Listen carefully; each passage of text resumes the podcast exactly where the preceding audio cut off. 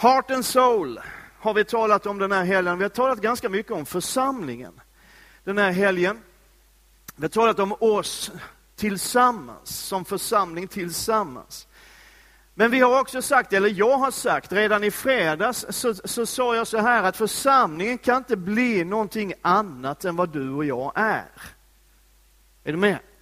Alltså församlingen blir inget annat än summan av det som vi som enskilda är. Och du vet att vad vi blir tillsammans som församling påverkas i extremt hög grad av vad du och jag är och hur det funkar i ditt och mitt liv. Så därför så skulle jag vilja ta den här söndagsförmiddagen och predika om dig. Blir det bra? Eller rättare sagt, jag ska predika till dig. Vi har utgått ifrån en text i Apostlagärningarnas fjärde kapitel där det står så här i den 32 versen. Hela skaran av de som hade kommit till tro var ett hjärta och en själ. Ingen kallade något av det han ägde för sitt, utan de hade allt gemensamt. Det var ett hjärta, det var en själ. Och det där har vi pratat en hel del om under den här helgen. Men idag skulle jag vilja Ta med den här texten i bakgrunden, ha den med dig nu och så ska vi gå till Jeremia i Gamla Testamentet i det första kapitlet. Står det så här från vers 4. Herrens ord kom till mig och han sa, innan jag formade dig i moderlivet utvalde jag dig. Och innan du kom fram med moderskötet helgade jag dig, jag satte dig till profet för folk. Men jag svarade, o Herre Gud, jag kan inte tala, jag är för ung. Då sa Herren till mig, säg inte jag är för ung, utan gå vart jag än sänder dig och tala vad jag än befaller dig. Var inte rädd för dem, för jag är med dig för att rädda dig, säger Herren. Och Herren räckte ut sin hand, rörde vid min mun och sa till mig, så jag lägger mina ord i din jag skulle vilja ställa några frågor till dig och mig idag. Den första frågan är, vem är du? Därför Gud ger till Jeremia, det första Gud ger, det är att han ger en bekräftelse. Han visar Jeremia någonting om hans identitet, om ursprunget, om syftet med hans liv. Och det gör Gud innan han lägger kallelse och liksom skickar på utrustning. Gud säger till Jeremia att redan innan du var född så fanns det en plan. Du Jeremia fanns i Guds tankar och i hans plan innan du fanns till. Och jag citerar ganska ofta, det har du hört som har lyssnat till mig under, under en tid nu, ganska ofta citerar psalm 139 och 16. Jag har gjort det till, till en sorts signum över mitt liv. Det är det jag vill ha tag på i psalm 139 och 16. En del tycker jag citerade för ofta, men eh, så är det inte. Det står så här, dina ögon Gud såg mig när jag bara var ett foster. Alla mina dagar blev skrivna i din bok, formade innan någon av dem hade kommit. I vår församling, Ena kyrkan, så är vi lite drygt 300 medlemmar i matrikeln. Och någonstans så tycker jag det är så fascinerande att tänka på det här att Gud hade en plan för var och en av oss innan vi ens fanns till. Visst är det fascinerande? Och vi är ju liksom inte de enda människorna på jorden som Gud hade en plan för, utan det finns miljarder och åter miljarder människor. Men vi som är här, varenda en som finns i det här rummet just nu, jag vet inte hur många vi är, 116,2. Eh, vi som är i det här rummet, den sanningen gäller för varenda en av oss. Innan du fanns till hade Gud tänkt någonting för ditt liv.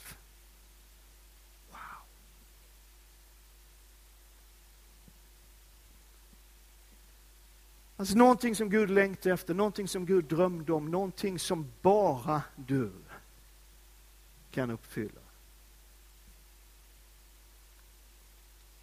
Var och en av oss fanns i Guds tankar, i Guds planer innan vi fanns till.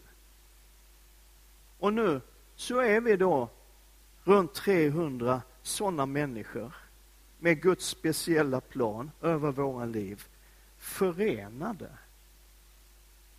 i en och samma kropp. Men tänk dig kraften i den föreningen. 323 människor, var och en med Guds kallelse, Guds plan, Guds syften över sitt liv, kommer sammanfatta vad det är Gud har skapat med sin församling. Och om det nu är så att om Gud hade en plan med vars och ens liv, med ditt liv och med mitt liv, med våra liv, innan vi fanns till. Och det i Guds plan ingår att vi skulle sluta samman och förenas i en kropp, i en familj, i en församling. Så måste det ju betyda att Gud har tänkt om ena kyrkan långt innan den här församlingen ens fanns till. Det finns ett syfte, det finns en plan ifrån himlen med att den här församlingen finns här och nu. Jag kan inte tänka mig någonting viktigare i livet än att ta reda på vad är det Gud du vill med mitt liv och vad vill du med oss tillsammans? Gud talar bekräftelse, han talar om för Jeremia vem han är innan han lägger ner sin kallelse och utrustning. Och vet du, när det gäller utrustning, för det är det första man tänker på när man får en uppgift. Hur ska jag klara det? Vad behöver jag? Och alltihopa. Gud säger liksom till Jeremia, tänk inte på det här med utrustning och sådana här grejer. Jag ska ge dig vad du behöver. Och det finns ett löfte i det. För vi kan fundera över vad behöver vi som församling för att kunna vara den församling Gud har tänkt? Vad behöver vi som församling för att kunna nå ut och nå in i den här staden och i människors liv? Gud kommer att ge oss vad vi behöver. Amen. Och sen ställer Gud två frågor till Jeremia. Faktiskt är det samma fråga Gud ställer två gånger eh, och han får två olika svar. Gud frågar Jeremia, vad ser du? Och du vet att allt som vi människor kan uppnå och uträtta börjar på något sätt med vad vi ser. I vår inre syn, i vår inre värld, i våra drömmar, i våra visioner, i vår längtan. En inre bild. Allt som vi kan uppnå allt som vi kan uträtta börjar där med en vision, en bild, någonting på insidan av oss som säger det här är det vi ska göra. Det var likadant när Gud skapade. Ibland så kan man ju fundera på liksom, hur kom Gud på allting? Liksom, är, det, är det improvisation? Vi var vi var vid Stora barriärrevet i, i somras och snorklade lite grann där och det, det, var liksom fiskar och färger och grejer och alltihop där. Det är en fantastisk upplevelse, kan jag rekommendera till var och en som vill. Men alltså det, det, det makar, alltså man tänker liksom, hur tänkte Gud? Och någonstans så fattar man att när Gud talar och skapar så gör han det utifrån sitt ord. Och orden kommer ur Gud utifrån en inre bild. Så här ska det vara. Eller hur?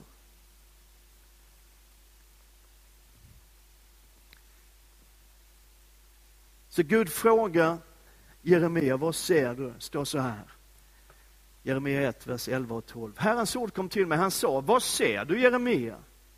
Jag svarade, jag ser en gren av ett mandelträd. Och Herren sa till mig, du har sett rätt. Jag ska vaka över mitt ord för att uppfylla det. Och så fortsätter det. Och Herrens ord kom till mig för andra gången. Han sa, vad ser du? Jag svarade, jag ser en kokande gryta i norr som lutar hitåt. Herren sa till mig, från norr ska olyckan välla in över alla som bor i landet. Jeremia ser en gren av ett mandelträd och Gud säger, ja men det var rätt, du har sett rätt.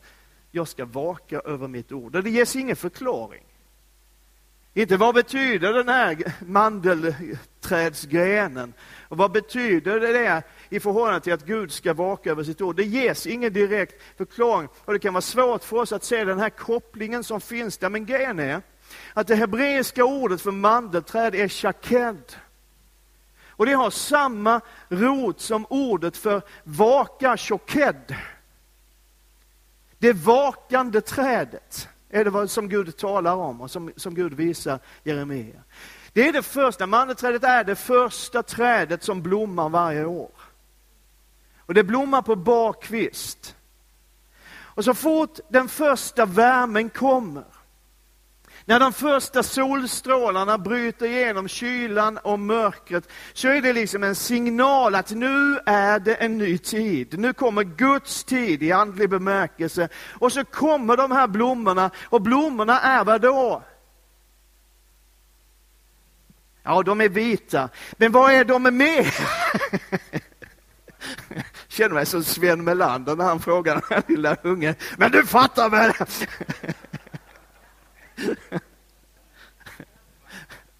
De är vackra, det är de, de är jättevackra. De doftar. Men det jag är ute efter är att blommor är, det här är ju, det här är ju svårt för er, för det här är så djupt. Jag förstår att ni ytterligare människor inte fattar. Eh,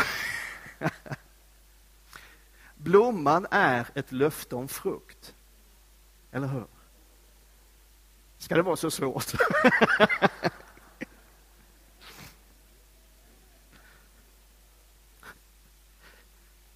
Så när mandelträdet börjar blomma på barkvist så är det ett löfte om frukt. Här kommer någonting annat.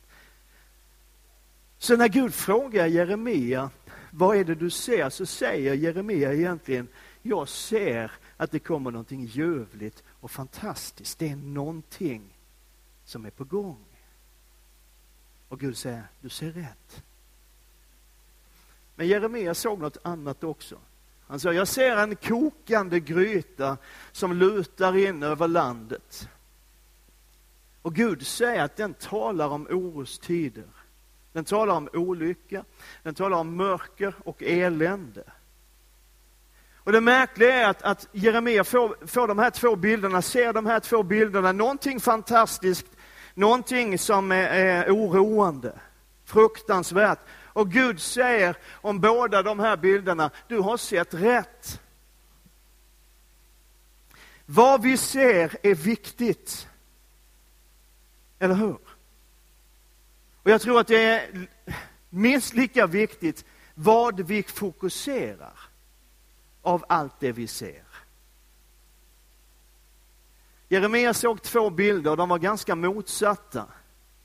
Och de talade om motsatta saker, någonting ljuvligt och underbart och någonting hotande och oroande. Och det finns en del människor som, som väljer att bara se det som oroar. Eller hur? Som bara väljer att se elände, som bara väljer att se det som kan bli fel. Och det gäller i andlig bemärkelse också. Det finns människor som bara ser ondskan i världen, synden i vårt land, alltihopa där och missar att Gud samtidigt visar en bild av någonting underbart. Sen finns det andra också som lever långt upp i det blå som bara ser att Gud har nog något underbart på gång. Alltså, och så lever man, Gud har någonting underbart på gång, och det har Gud. Men sen när mörkret ökar och oron ökar, så tappar man modet och tänker, jag såg nog fel. Men här är grejen, här är en poäng. Att det Jeremia såg, båda bilderna var rätt samtidigt. De här två bilderna hör ihop.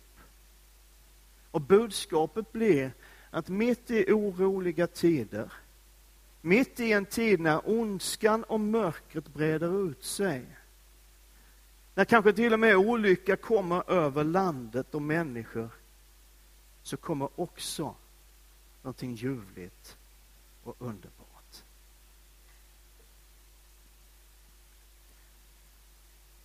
Det har varit en diskussion under, under några månader i vårt land om om olika profetiska hälsningar, eller förment profetiska hälsningar som har, har levererats. En del sådana här hälsningar, de har sagt ungefär att Gud tar sin hand ifrån Sverige.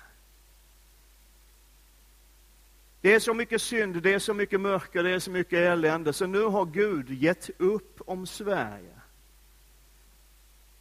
Sen har jag hört andra profetier också som säger ungefär som Gamla Testamentets falska profeter sa, allt står väl till. Vad är det jag vill säga? Jag vill säga, ja men det är, vi upplever mycket mörker i vårt land och i, i den tid som vi lever. Och det ser inte ut att bli mindre, men mitt i detta, mitt i den värld vi lever i, där ondskan breder ut sig, mörkret breder ut sig, mitt i ett land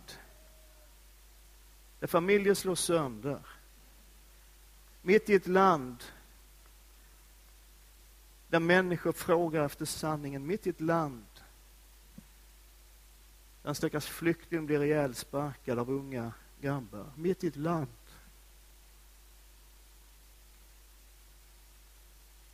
Så fyllt av hat, så fyllt av rädsla så talar Guds ord om en gren av ett mandelträd. Så talar Guds ord om en tid av någonting ljuvligt, någonting underbart.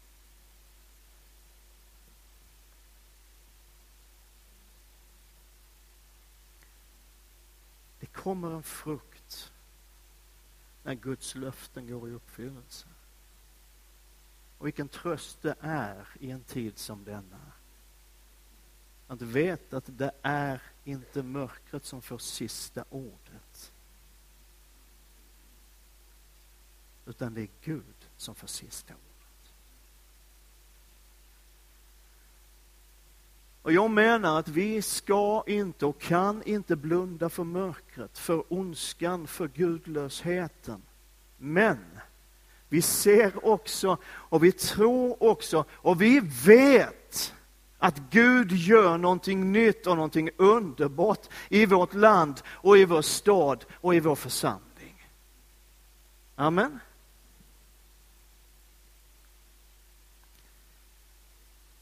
Matteus 22 står det så här. Fariséerna hörde att Jesus hade gjort sadukéerna svarslösa och samlades runt honom.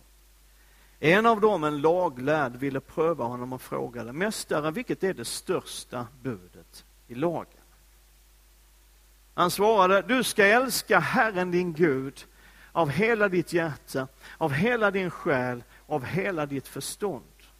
Det är det största och första budet. Sen kommer ett som liknar det. Du ska älska din nästa som dig själv. Så att älska Gud och älska människor är uppdraget. Det är vad det handlar om. Och det är egentligen, skulle man kunna säga, det är den enda visionen församling behöver. Att älska Gud av hela hjärtat och hela själen och hela förståndet och all din kraft och att älska människor. Att älska Gud kan man bara göra, tror jag fullt ut, om man är medveten om att vår kärlek till honom aldrig kan bli någonting annat eller någonting mer än en återspegling, en respons på hur han har älskat oss. Vi sjöng om det alldeles nyss. Vet, vår kärlek till Gud kommer av att han först har älskat oss. Det skriver Johannes om i sitt första brevs fjärde kapitel. Vi älskar för han har först älskat oss. Vår kärlek till Gud kommer av att vi vet att utan hans kärlek så vore vi hopplöst förlorade. Den kommer av att vi vet att Gud behövde, inte var inte tvingad att älska oss. Egentligen fanns det nog ingen anledning alls att älska dig och mig. Eller hur? Men han gör det ändå. Vår kärlek till Gud kommer av hans nåd och hans trofasthet och hans godhet och hans makt att frälsa. Vad handlar det om att älska människor? Jag tror att det väldigt mycket handlar om att vara en församling och att vara enskilda troende i den församlingen där det inte är så mycket religiösa traditioner eller teologiska små finesser eller något överandligt navelskådande som är fokus, utan att allt handlar om andra människor. Jag skulle vilja säga, och jag tycker mig se det, jag tror att Gud vill låta oss växa i detta, att få vara en församling, att få vara en plats där människor är viktigare än alla våra skrivna visioner. Där människor är viktigare än organisationen, där människor är viktigare än positionen, där människor framförallt är viktigare än traditionen. En församling där allt handlar om att hjälpa människor att få möta Jesus, förstå vem han är, vad han har gjort och hur man tar emot honom i sitt liv. Där allt handlar om det. Men det räcker inte att vara, vem är du? Och se, vad ser du? Det räcker inte riktigt med att veta vem eller vad vi är och veta vad vi ser och drömmer om. Därför att berättelsen om Jeremia innehåller ett steg till. står så här i det andra kapitlet, första två verserna. Och Herrens ord kom till mig. Han sa, gå och predika för Enköping. En fri översättning. Så den tredje frågan som jag ställer till dig med då, den är, vad gör du? För Gud säger i det tredje steget, när du vet vem du är och du vet vad du ser, så säger Gud, gå och gör. Vi är den levande Gudens församling. Det är inte min församling, det är inte församlingsledningens församling, det är inte, nu är vi anslutna till två samfund, men vi är varken EF, vad heter det, EFKs församling eller pingströrelsens församling. Vi är den levande Gudens församling. Eller hur? Och du är en del av den, visst är det fantastiskt? Och vi är Kristi kropp kallade och utvalda att representera honom och att göra det han gör. Och du är hans älskade barn. Du är hans ögonsten. Och du är kallad och utvald och utrustad. Och i fredags kväll så sa vi att, eh, säger säg det igen nu, församlingen kan aldrig bli någonting annat än vad du och jag är. Så visar jag den här bilden, jag tar den igen för dig som inte var med och en repetition för dig som var med. Vet för oavsett vilken församling vi drömmer om, som vi önskar att vi vore, vad församlingen skulle innehålla, att den skulle vara generös, den ska vara förlåtande, inkluderande och varm och andefylld och alltihopa det här, vad det än är, så behöver vi ställa oss frågan, är jag sån? Är du med mig? Därför församlingen blir aldrig något annat än vad du och jag är. Vi får en församling som älskar Gud av hela sitt hjärta, som tillber och hängivet söker honom, som helhjärtat överlåter sig till honom, om och när du och jag älskar Gud av hela vårt hjärta, tillber honom och hängivet söker honom och helhjärtat överlåter oss till honom. Då har vi en sån församling. Vi får en församling som älskar människor, som ser behoven och lyfter bördor, torkar tårar, ser den som ingen annan ser och bekräftar den som ingen annan bekräftar. Vi får en sån församling när du och jag ser behoven. När du och jag lyfter bördorna och torkar tårarna och ser den som ingen annan ser och bekräftar den som ingen annan bekräftar. Vi får en församling som är skillnaden för någon eller några. Om och när du och jag är skillnaden för någon eller några.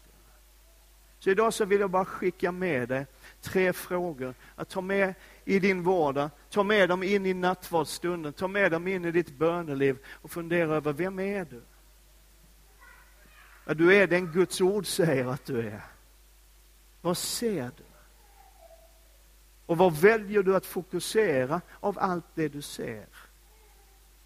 Och sen kommer den stora frågan, jag upplever att det är Guds utmanande fråga till oss som, som församling. Och vi ska söka Guds ansikte för att hitta rätt svar på den frågan. Vad gör du? Behoven är enorma i vår stad. Men dina grannar, dina skolkamrater, dina arbetskamrater runt omkring oss, det finns enorma behov. Människor behöver få möta Jesus Kristus. Vem är du? Och vad ser du? Och vad gör du? Amen.